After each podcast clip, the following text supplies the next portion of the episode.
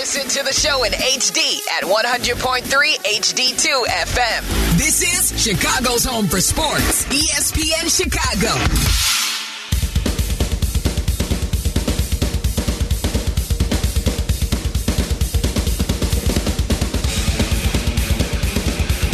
Good morning. Happy Sunday to you. It is the first Sunday in May 2023, fresh off the first Saturday in May, which of course is Kentucky Derby Day.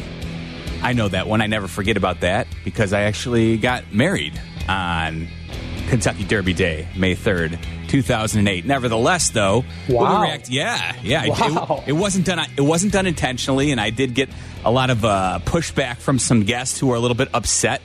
One Harry Teinowitz actually was in attendance and very mad at me because the Harry's a horse family. he absolutely is. The reception Yeah. was going on uh, in the midst. Clearance was the uh, signature horse for the Teinowitz family, I believe, right? Uh, I'll have to take your word on it, but uh, it did you have mint juleps at the open bar? You know, we did not. That, that was a that was a, a miss by us for sure. no, have you ever had one? Oh, I have. I've had two, and I don't think I, I don't think I'm going back, Bry. Why did you have the second one? You know what?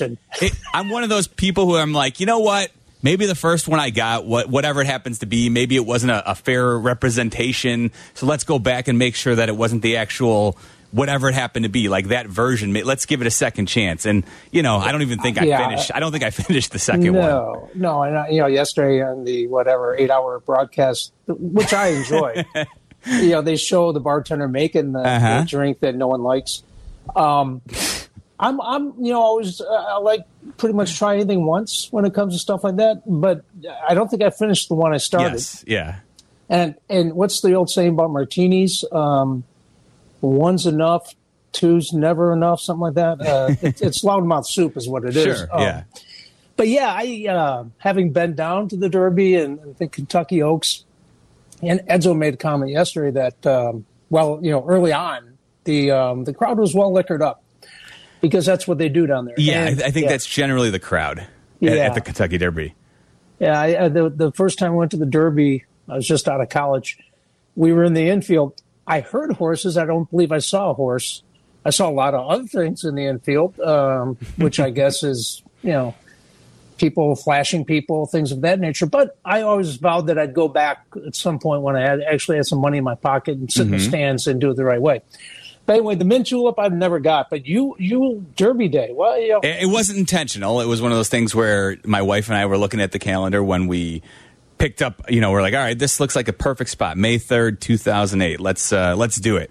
And so that's we just slotted it in and didn't even think twice about it until obviously as it was approaching, someone pointed out to me very quickly. It might have been Harry. Hey man, you know your uh, your wedding's in the middle of the Kentucky Derby. I was like, you Yeah, know what? Uh, I was planning a lot of stuff. That was something that Yeah. eluded me.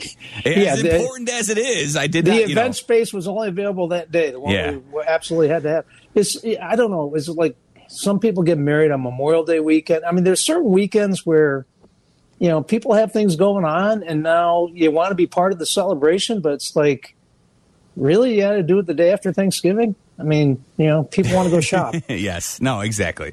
But I digress. Uh, Big Brown, by the way, won the Derby that day on Wow, the day that. I was married. So, um, but I digress. We'll talk a little bit about the Derby because it did happen yesterday. I do think it's uh, amusing to me. The Derby is something that um, we saw the 149th edition go off yesterday, but. I don't think they drew it up this way, but it is tailor made for social media and Twitter clips because you can watch the fastest two minutes right on your phone and then Sure. move right along. You don't have to consume that eight, nine hours of pregame show if you don't want to, Bry. but I did because uh, I'm I'm kind of like Harry that way, uh, and, and yeah. So I I mean, I I don't had I didn't have any connections. I'm still looking for that Derby horse. I got a horse at Gulfstream today. Nah, I wouldn't, I'm not touting it by a stretch of imagination, but you know, only six horses in the uh, field, so hopefully we'll find a way. Uh, but anyway, yeah, I, I, my horse is uh, not in the same class as your Derby horses. Well, we can dream one day. Yeah, one day, yeah. Bry. Keep at it. Again, he's Brian Hanley. I'm Jeff Meller. We're here with you till 11 o'clock. We will talk a little bit about yesterday's Derby later in the show. But before the Derby went off, how about a nice little day of baseball at Wrigley Field? The Cubs win courtesy of Nick Madrigal's go ahead to RBI single. Here's Madrigal. Base hit into right field. Bellinger in. Here's Velazquez to the plate. He's in. Madrigal to second, and the Cubs lead. Nick Madrigal comes through. You like the matchup there of Nick Madrigal. He likes to take the ball the other way. Great jump by Velazquez at second. Sliding in there with a go-ahead run. Nick Madrigal coming up big. Highlight there courtesy of Marquee Sports Network. Coming up big against the Miami Marlins best reliever in AJ Puk. Now they were using him in the eighth inning because he's essentially their closer, but that's kind of the modern baseball that we live in where you will sometimes go to your best reliever in the highest leverage position. The Marlins did that with AJ Puk, but the Cubs were able to go ahead and get the job done. And it wasn't just Nick Madrigal who had a big moment. Oh, no, no, no, no, no. Miguel Amaya came in and pinch hit and had himself one heck of a first major league hit. Puk fires. Up the middle. Edwards charges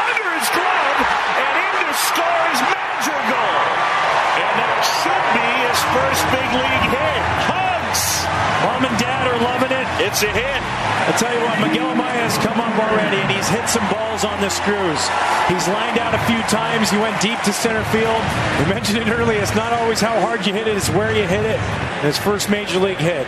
Dempster breaks it down there on Marquee, and then uh, Jordan Bastian tweeted out shortly thereafter. How about to Dempster's point about Miguel Amaya absolutely just crushing the ball, no luck. His some of his uh, first five contacts registered 100 point, 100.2 miles per hour off the bat, 104.3 miles per hour, 102.1 miles per hour, 102.5 miles per hour, 103.9 miles per hour. Again, that's exit velocity for Miguel Amaya. Five of the first balls that he put in play, all of those went for outs. Then, Bry, he hits the dinker up the middle, 67.4 miles per hour, and sure enough, that goes for his first major league hit. Pretty cool moment there for the Cubs and Miguel Amaya yesterday at Wrigley Field. Well, it's a line drive in the box score. Yeah, absolutely. And um, you talk about a feel good story, and you know, unfortunately for the Southsiders, there aren't a lot of them, uh, and, and, there aren't a lot of fans in the stands, uh, and and the team hasn't given them any reason to head to to the, the rate. Don't but, bring us down so early, Bry. Well, um, no, we'll you're right. Brian, you're right. Brian McRae told Sully, Paul Sullivan, some things that uh, I found interesting. But yeah, uh, apparently the Cardinals are, are would love to have Miguel Amaya uh, catching their pitching Yes. staff because it's Willson Contreras' fault. But yeah, that that that was a cool moment. His parents are there waving the Panama flag, crying, just tears of joy. And, and then there's Miguel in the post game. And his parents are five feet from him, standing along the wall while he's being interviewed on Marquee, and he gets caught up in the moment. Absolutely. This is uh, courtesy of Marquee Sports Network, the post game with Miguel Amaya. And you'll listen to it. The whole interview, the whole exchange, uh, definitely makes you. It tugs at the heartstrings if you're if you have any soul. Um, even if you're not a Cubs fan like me, it was pretty cool to see Miguel Amaya really revel in this moment. Cubs go, go Cubs go. Hey Chicago, what do you say? The Cubs are gonna win today. I had to give you that moment. How awesome is this? It, it is amazing. It is insane. You know, living the dream here, having these amazing fans here in Chicago at Wrigley Field. This is electric. You get your first major league hit. What's going through your mind standing on first base? Well, you know, sometimes you hit it hard, nothing happened.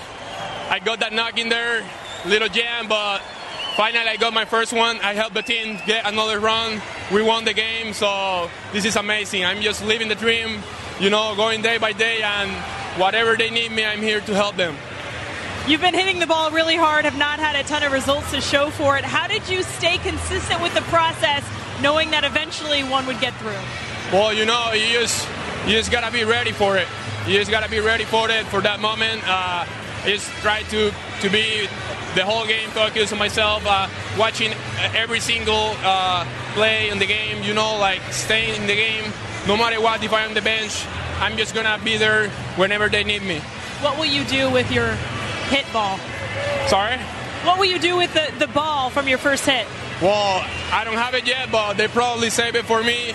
I'm gonna give it to my parents. That's a gift for them. You know, like they've been with me 24/7 through everything, and this is all for them and for my family. Speaking of your parents, they're right here. What's going to be the first thing you say to them? Well, hug them, kiss them, probably cry with them. You know, we're so excited. They're driving the limb too, so uh, we're here. We're gonna keep enjoying. We're gonna have so much fun, and you know, let's go Cubs. There's Miguel Amaya after his first hit. As you said, Bry, uh, in the box score, it's going to go down as a line drive frozen rope for his first career hit. And um, to hear him, though, bask in the glory at the end of the game. Go Cubs, go! go Cubs, go! Hey Chicago, what do you say? The Cubs are going now into the. Pretty cool moment yesterday at Wrigley he sounds, Field. Uh, he sounds like me singing after three mint juleps. yes. Well, how would you know? You wouldn't know how you sound after three mint juleps. There, Bry. Uh, I'm guessing. Uh, yeah, the, I can name that tune and ooh, off note, off key. Um, but you know, the Cubs pitching staff is is doing uh, you know just going quietly going about its business without Kyle Hendricks, um, leading the league in ERA going into yesterday's game with a three two five ERA. And I said a few weeks ago to you, and I said it last last summer too. I would take the Cubs starting rotation over the White Sox starting rotation, and you know maybe that's not you know such a bold statement, but Justin Steele, I mean, good lord, 14 consecutive starts where he's allowed two or fewer earned runs. I mean, this guy and, and Kyle Hendricks, who's hopefully going to be back in a week or two, you know, said he he dreams of having Justin Steele stuff, but you know that on Kyle Hendricks' best days, he's uh, tickling the old uh, 89, 90 Sure. mile per hour, you know, breaking them, barely getting a 90, but that's okay. But boy, they just even in the one and six road trip, what they have five one run losses. Mm-hmm. So it wasn't the pitching. The pitching gives them a chance pretty much every day. Now, Wesneski has been better since he's got roughed up a little bit, but he goes today. So this division, I mean, th- Yeah. this division is crazy. You asked me last week, what, uh, you don't believe in the Pirates? And another week's gone by, and the Pirates are still sitting atop the division. Yeah, they, well, it, it definitely, when you look at the way the NL Central standings align right now, you would have certainly thought that it would have been, you know, top and bottom reversed when the season started. But the Pittsburgh Pirates are atop the division, and the St. Louis Cardinals don't know what's going wrong. Oh. You mentioned it, and this is something that I do want to talk about a little bit because the Cardinals come to town tomorrow after Mar- after the Marlins leave, and Willson Contreras returns, and it doesn't seem like he will be returning as the St. Louis Cardinals starting catcher. As yesterday, they announced that Willson Contreras will be moving to a designated hitter outfield role going forward, which I think for any Cubs fan who was disappointed, Bry, in the fact that they did not sign him to a long term deal, you know, this just goes to show why the Cubs were so reluctant to go ahead and sign Willson Contreras to a long term deal. They always knew his bat, and this the Cardinals probably aren't going to completely regret the eighty-seven point five million dollar contract that they gave him, but I think a large part of his value was always thought, okay, you have a you have an elite hitting catcher here, and that's part of what you're paying for. Now the bat still plays in the outfield. He's still a productive, you know, left fielder if you're going to play him out there, or and definitely as a DH he can get by. But that's a lot of money in 2023 to give a corner outfielder unless his bat's going to play up because he's no longer, you know, worn down by catching because you know, a 20 25 homer guy with, you know, an OPS around I'm sorry, an on-base percentage around 330 340, that's not necessarily the guy you want to lock up to that long-term deal if he's not doing the catching. So, you know, that's definitely, you know, we're we're again we're barely into May now, and the Cardinals are telling people that Willson Contreras is no longer going to do the catching. They've lost eight in a row. I think they're 10 out. Um, to your point, uh, you know, uh, Willson's batting 277, two home runs, 14 RBI in 32 games. Doesn't, uh, it, to me, it seems a little bit of a cop out or a little bit of a, you know, finger pointing. Oliver Marmol, Yeah, you know, brought Mozeliak in, John Mozeliak in, and the pitching coach and Contreras and had the powwow, and then they made the announcement and, and basically the demotion, right? I mean, he didn't go down there to, to be DH and outfielder, but I mean, when a team is underachieving to this degree, it's the catcher's fault. Well, I it- mean- it's a. I mean, it is a drastic move, right? Like Yeah. to come out and say this so early. Again, they they won't completely regret the deal, but again, you don't you do not spend that type of money on Willson Contreras to be a you know a left fielder for you or a designated hitter. That's a lot of money to tie up in a guy like that. It was always okay as a catcher, as an elite hitter. That's what you're buying into.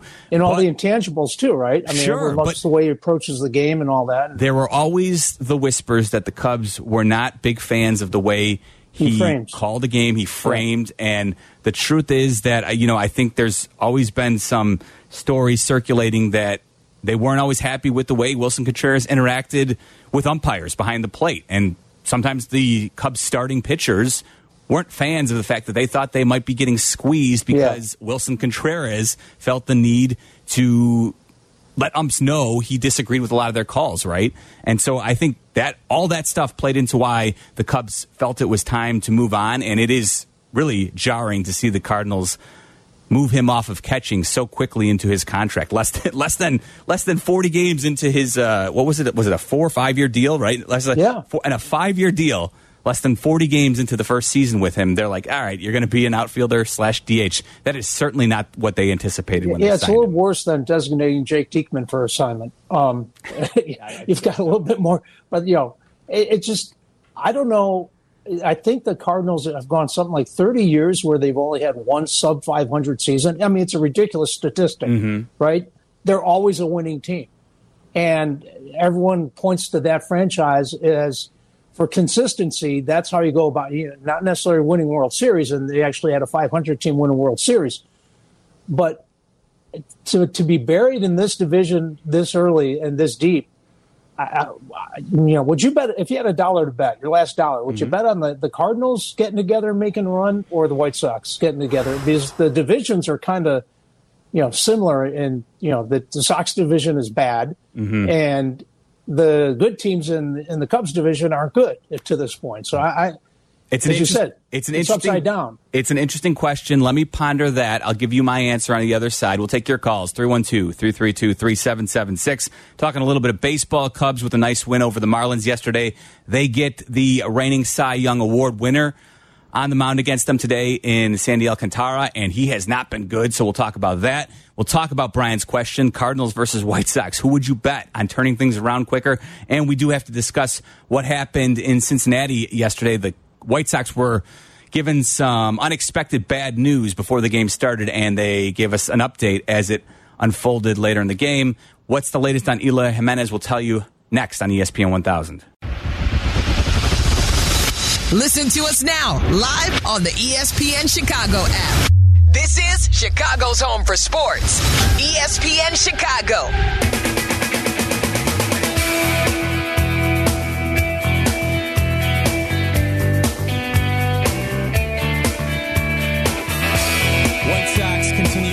Crushed injury blows. I don't know if this one's classified as an injury, but it's certainly going to hurt their lineup. Yesterday, we found out before the game from Pedro Grifol that Eloy Jimenez was dealing with some abdominal issues and pain.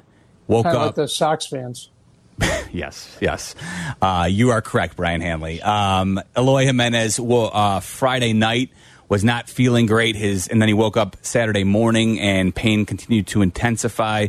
So he was, of course, in touch with White Sox doctors, which is, you know, a good change of pace to let the doctors know when you're not feeling good. Um, Eloy Jimenez did that, and of course, he eventually was rushed to the hospital. And of not, to, I think, you know, at this point, not really a surprise. Uh, had an appendectomy, um, and so that was yesterday afternoon. And Pedro Grifol talked about him feeling better, obviously, after the surgery. Um, and it looks like he's going to be out four to six weeks. So that is a pretty big blow for the White Sox, who did lose yesterday five to three to the Reds. This is Pedro Grifol after the game talking about how the White Sox are going to approach the lineup now that they're going to be without Eloy for, for a while. He is our four-hole hitter, three, four-hole hitter, but he's swinging the bat really well. Robert now swinging the bat really well. You know, today was his fourth, fourth extra, game with extra base hits. He ties a career high for him. So being able to have those two guys swinging the bat at the same time, and a couple of other guys, and, you know, Moncada doing his rehab and all that stuff, you know, it's promising, but you know, life deals and stuff you got to deal with, you know, and uh, we just got to move on. Thank God he's everything came out all right. Um, should be discharged tonight, and just get him back with us. You know, and go back to start, start his rehab and take care of that. Like I said, those things are scary, and, and health is, is more important than anything.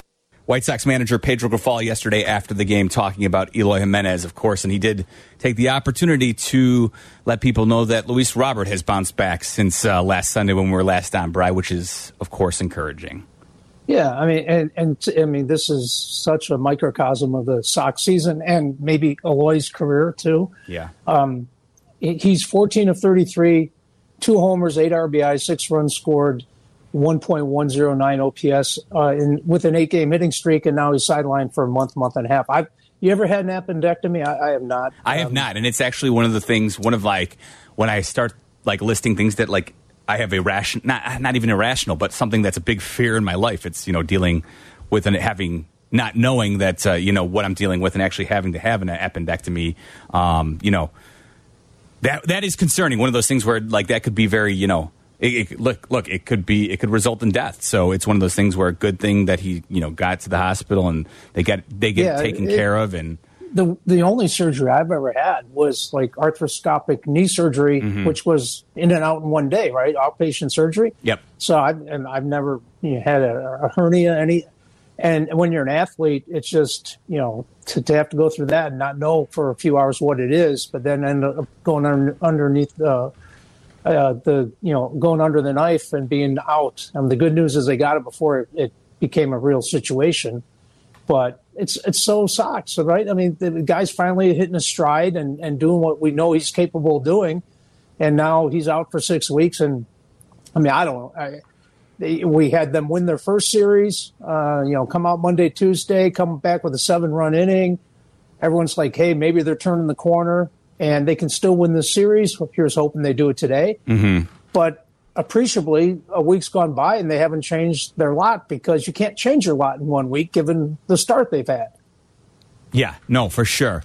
I will say there was some good news as we did receive news about Liam Hendriks pitching a scoreless ninth inning the other day. So you know in uh, in Charlotte. So the hope is that they will have their closer back sooner rather than later. So there's, if you want to look at, you know, some bit of good news that would not be so Sox, you know, I will say that is the good news we got this week. And, you know, on the grand scale of things, much better, right? Like that Liam Hendriks is able to oh, get back terrific. out there. I mean, how do you not, you know, root for that story and that man? And, and he had, uh, I saw our buddy Fred Huebner who mm-hmm. overcame cancer and beat cancer the the uh, struck out cancer T-shirt Liam was wearing. Uh, Freddie tweeted out, "I gotta get me one of those uh, one of those shirts." And yes, you do, Fred. Yes, we gotta get you one. But I mean, it, it's great. It's great to hear the support he's had throughout baseball and the the positive outlook. He when he said, "I didn't think why me," I thought, "Why not me?"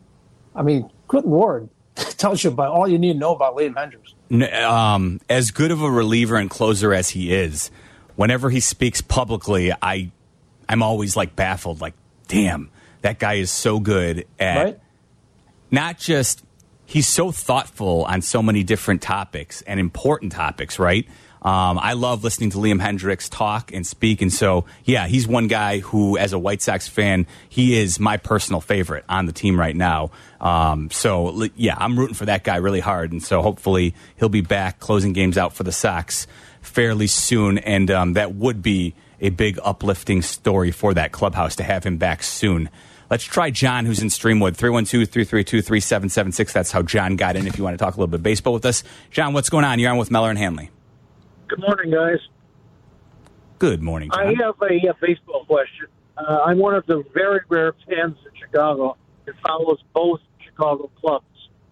And I've got a question that affects both Chicago clubs. First of all, with the bases being larger, the base stealing bigger, so many teams are taking advantage of that. Yet the Cubs, and the Sox are not taking advantage of it. I do realize you've got a one or two players. Hoerner's a good example. You have one or two players uh, that are stealing bases. That's it. You have one or two players. Are you telling me everybody is Ron Bell and carrying a piano on their back? Those guys can't steal bases. All right, John. So, yeah, you know what? I think Yasmani Grandal will not literally, he may metaphorically at times be carrying a piano on his back the way he does run. um, so I don't want, like, now, but I think your question is interesting, right? Uh, should the Cubs and White Sox both be stealing more bases? It's not just the bigger bases, Bry, but also the, with the pitch clock now, runners. And, and, honestly the pitch clock is a bigger deal as to why you're seeing more bases being stolen all across baseball. It's because runners have the opportunity to know that okay a pitcher can only go over twice. And after that second throw over if he goes the third time he has to get me. And so there is just pitch, uh, base runners have a much better opportunity to really dissect pitchers and get that you know get that lead. And then they know too if they time it right, if a pitcher is waiting till deep into the pitch clock to actually go to the plate, well, you know, if you know you're close to one second, you can get ready and get that running lead. So it's not so much the bigger bases, it is the pitch clock, I think, that's affecting um, stolen bases across baseball, Bry.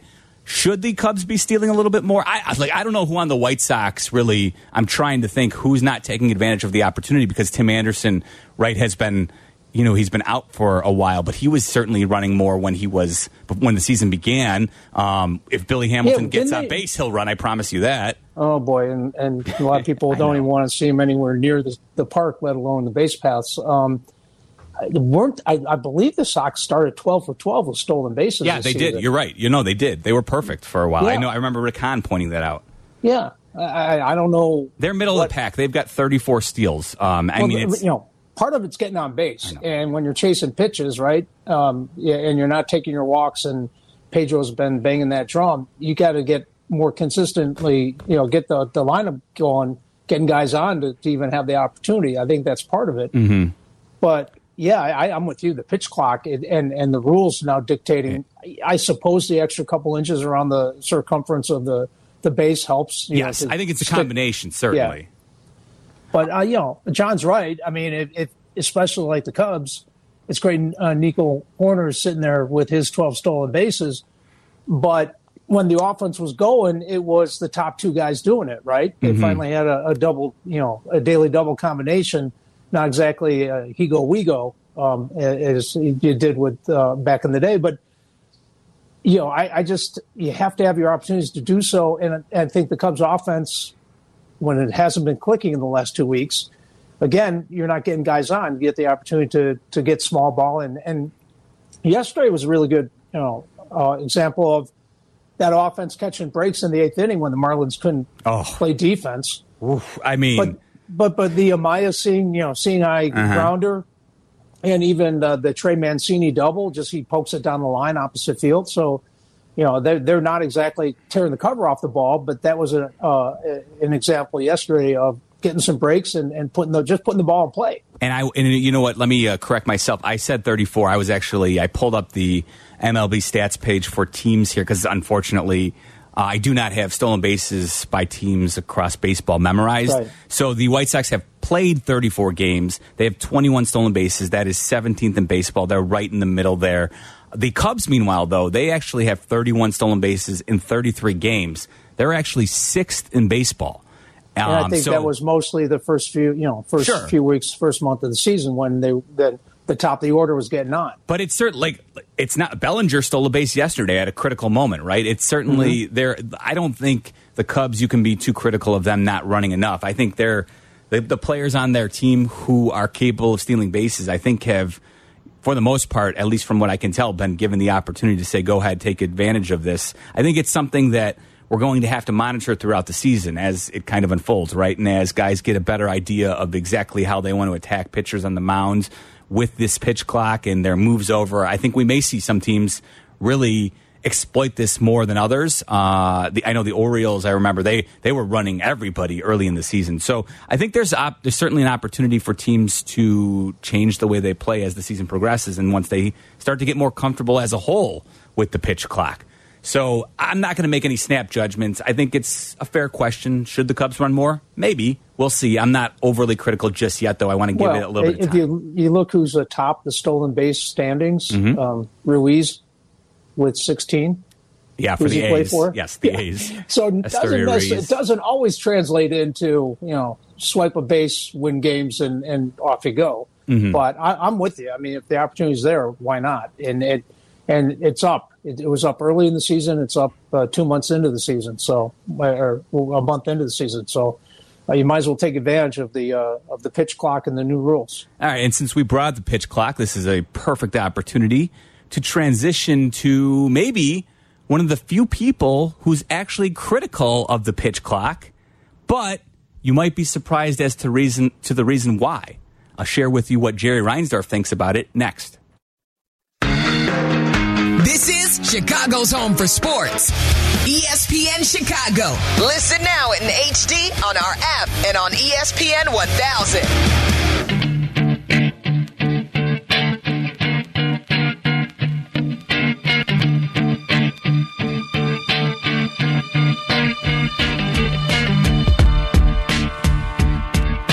So this was amusing to me because I saw my partner Brian Hanley tweet earlier this week when Jesse Rogers pointed out how Major League Baseball's new rules impact one month in, particularly the game time because of the pitch clock. The game time has been reduced to an average of two hours and 36 minutes. That is the fastest since 1984. Brian simply retweeted that and said, Game is better.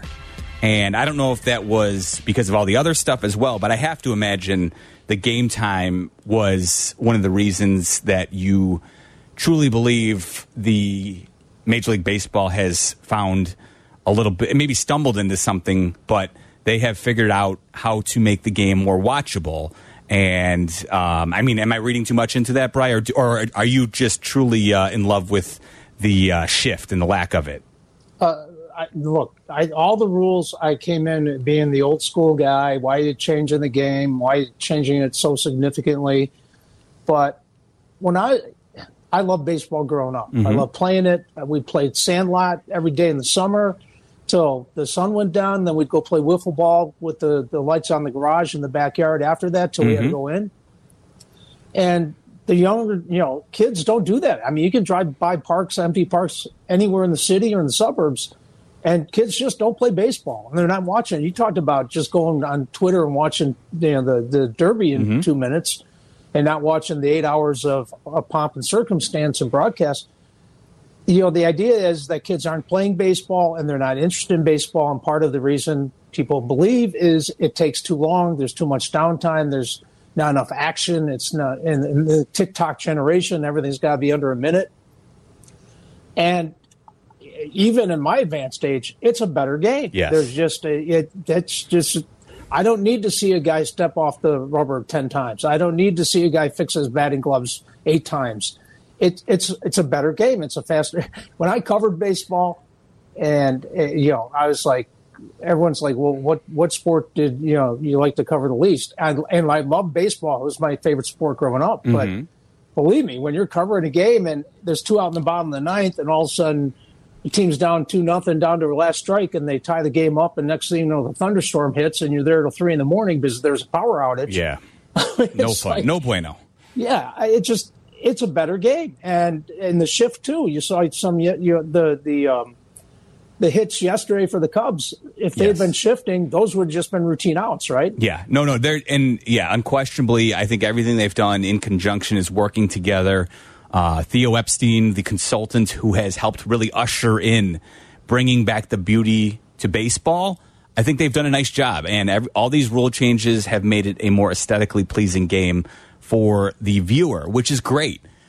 what was interesting to me, amongst many of the things that White Sox and Bulls owner Jerry Reinsdorf said this past week at the Milken Institute's 2023 Global Conference panel. Um, he mentioned the pitch clock in passing when he was talking about the importance that gambling has played to the popularity of professional sports. Take a listen. Gambling really was a major reason why the NFL became as successful as it did. Great sport, people love the game, but but the gambling was was very important. The other sports at the same time did everything they could to discourage betting, worried that, that betting could lead to fixing of games.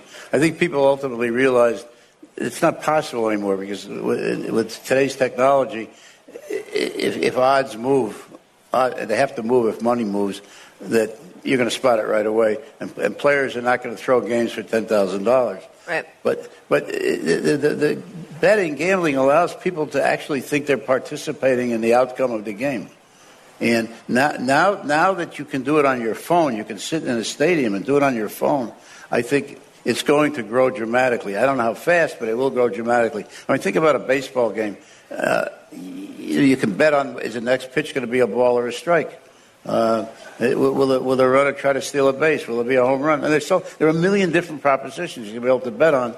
And, and uh, baseball may have made a mistake by speeding up the games this year. Because while people want faster games, they want to get early. There's less time to bet between the pitches. so, so maybe maybe we made a mistake. You gotta love it.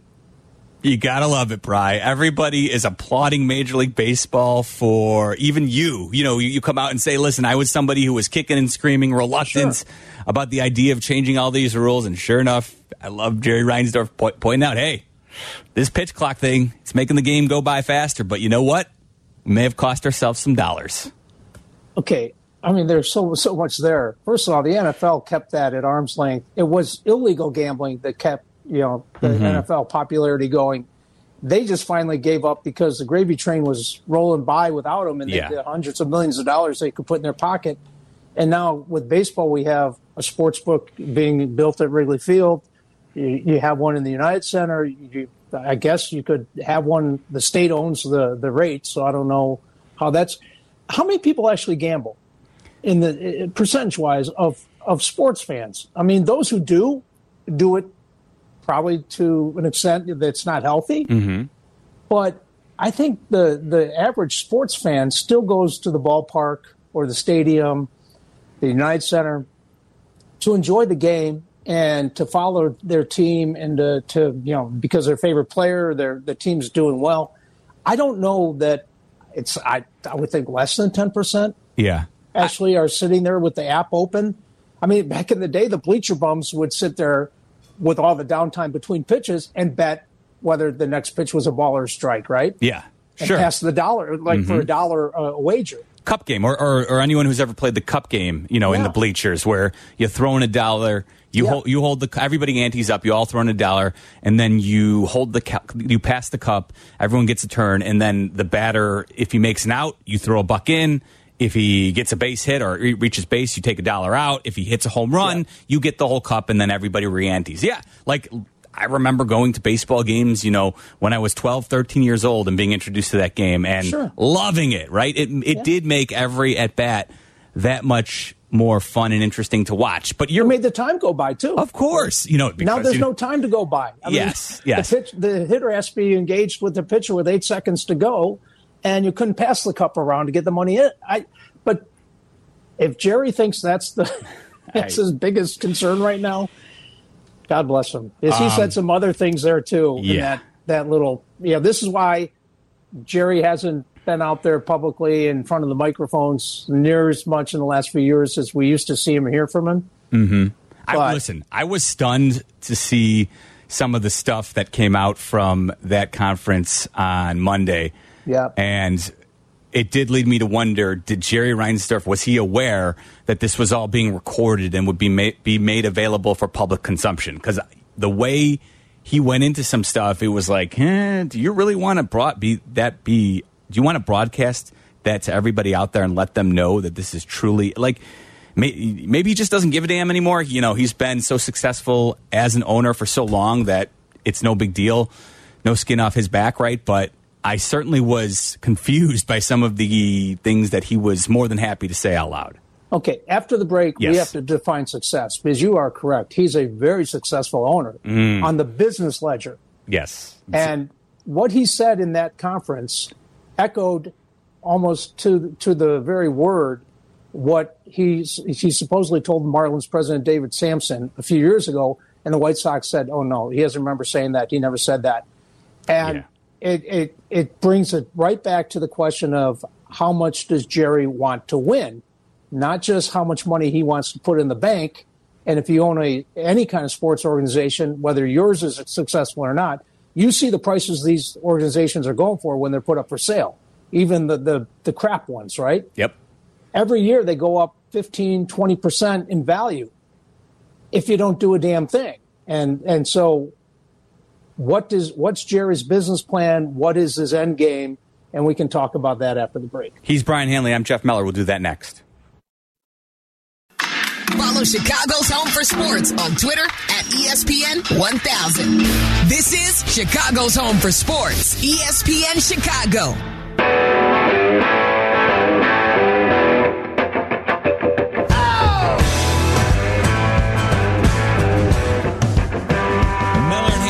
With you on Sunday morning till 11 o'clock here on ESPN 1000 and the ESPN Chicago app. I talked about, I mentioned Jerry Reinsdorf being hugely successful as an owner, and you pressed me on that, Brian, as we were heading to break. Well, 1998 was the last of six championships for the Bulls. God bless them. I mean, historic. Last dance, we all still celebrate that. 2005, a long time ago too, right? To win a World Series. Ah, but it seems like Um, yesterday. Yeah, Not quite. Um, haven't won a playoff series in forever, a decade or more. Mm-hmm. So Jerry, at this business seminar ESPN put on, whatever it was, the Milken Institute, went on to say, I think the important thing for fans is while they want you to win championships, they want to know that when they get down to the last month of the season, you still have a shot. You're still playing meaningful games. If you can do that consistent, consistently, you will make your fans happy. So just be in it at the end. Don't have to win anything necessarily or on a regular basis, and you'll have a very happy fan base. I don't believe that to be the case, but okay. That certainly hasn't been the Sox experience for a long time. Um, back in 2019, the young uh, president of the Marlins, then David Samson, said that when he was 32 years old, Jerry Reinsdorf t- said, "You know what?" Uh, told them this. You know what? Here's my best advice to you: finish in second place every single year, because your fans will say, "Wow, you've got a great shot. We're in it." But there's always a carrot left. There's always one more step to take the White Sox, when Samson said that publicly, the White Sox said, Oh, Jerry doesn't remember saying that. He'd never say that. We're all here to win, blah, blah, blah. But basically, what he said this week sure echoes what Samson said, what, four years ago. Here is Reinsdorf at the Milken Institute. The first week I was in sports, somebody said to me, if you listen to the fans, you'll soon be sitting with the fans. And so you can't, you can't allow your decisions to be guided by, by emotion or what you, you think people want. Uh, at the same time, you have to consider what the fans are thinking or they're not going to buy your tickets. So it, it, it's, it, it, it's, it's an unbelievable, it's unbelievably different than the real world. It, it, really is. And uh, I've just resolved all the inconsistencies by trying to win as often as I can, knowing you can't. It's a, it's a game of failure. Think about baseball. If somebody gets three hits every time, every 10 times up, he's failed 70% of the time. Sports is a business of failure. Only one team is going to win every year. But the fact that you, that you finish second or third or fourth, it doesn't mean you had a bad year. Uh, it, it, and I think the, I think the important thing to fans is while they want you to win championships, they want to know that when you get down to the last month of the season, you still have a shot. You're still playing me- meaningful games. If you if you can do that consistently, you'll make you'll make your fans happy. Now, when you hear him, I, you know, and I agree, you know, we'll take them, I guess you will take the White Sox denial and say, okay, maybe he didn't say that to David Samson. But when you listen to what he said right there, I agree with an aspect of that. You know, it is, as a fan, you're always looking for a championship. And when you come up short, you know, it's hard, especially because oftentimes there's a finality to the season when it ends abruptly and you have high expectations and you want to you want your team, you want to be celebrating a championship. It sucks when you end that way and it's hard sometimes to look at the totality of a season and say, "You know what? The journey was fun. I had a lot of fun with this winning baseball team." So the problem is he talks about that your your fan base wanting you to be competitive, you know, into that last month of the season. But I think the truth is that the White Sox and even the Bulls, oftentimes, far too often, are not competitive enough in the last month of the season to really feel as a fan like your team truly does care about winning. Well, and here's the thing with the Bulls, even though they haven't won a championship in, since 1998, there were years where they were competitive. They were in it to the end of the season. They built such a loyal base and had such a phenomenal run with uh, Michael Jordan and Phil and the, the entire crew. They had a, a sellout streak of, of more than 20 years, which was inexplicable because the product didn't say that everyone should be going through the turnstiles to the point where there are no empty seats in the place all those years, right? Mm-hmm. And you heard Jerry say, well, you, know, you want to win because the fans won't buy your tickets. Well, the fans haven't been buying their tickets a long time. They're, right now, they're 22nd in attendance and averaging about 18,000, 17,933 in 15 home games. So, beginning of last year, when they were scuffling big time, a friend of mine's an investor and has been in on the ground floor with Jerry's business group. And Jerry is the managing partner of this uh, of the investors. When he when they bought the team back in 1980 1981 i think he owned like 12 or 13 percent. He did, he's not the majority owner. He mm-hmm. may be now. He's bought up a lot of the minority owners and bought them out as the years have gone by because many years have gone by. But again he's the managing partner he has been very successful for the investors yes. in this and, and, so i talked to a friend of mine who's an investor I, I, uh, we were texting back and forth i'm like hey doesn't he care? Don't, I mean, most CEOs, companies, they have a, fidu- a fiduciary duty to maximize revenue and do all you can to get every dollar out of your product, right? Mm-hmm. And I'm looking at all those empty seats, and boy, we saw it earlier in the week. Again, the team hasn't given the Sox fans any reason to come out to the to the the gates or the rate, so I'm not blaming them. But uh, the seven run comeback, it, it, it looked like back in the days when Frank Thomas didn't want anyone in watching batting practice. Yeah. The place was empty, right? Yep.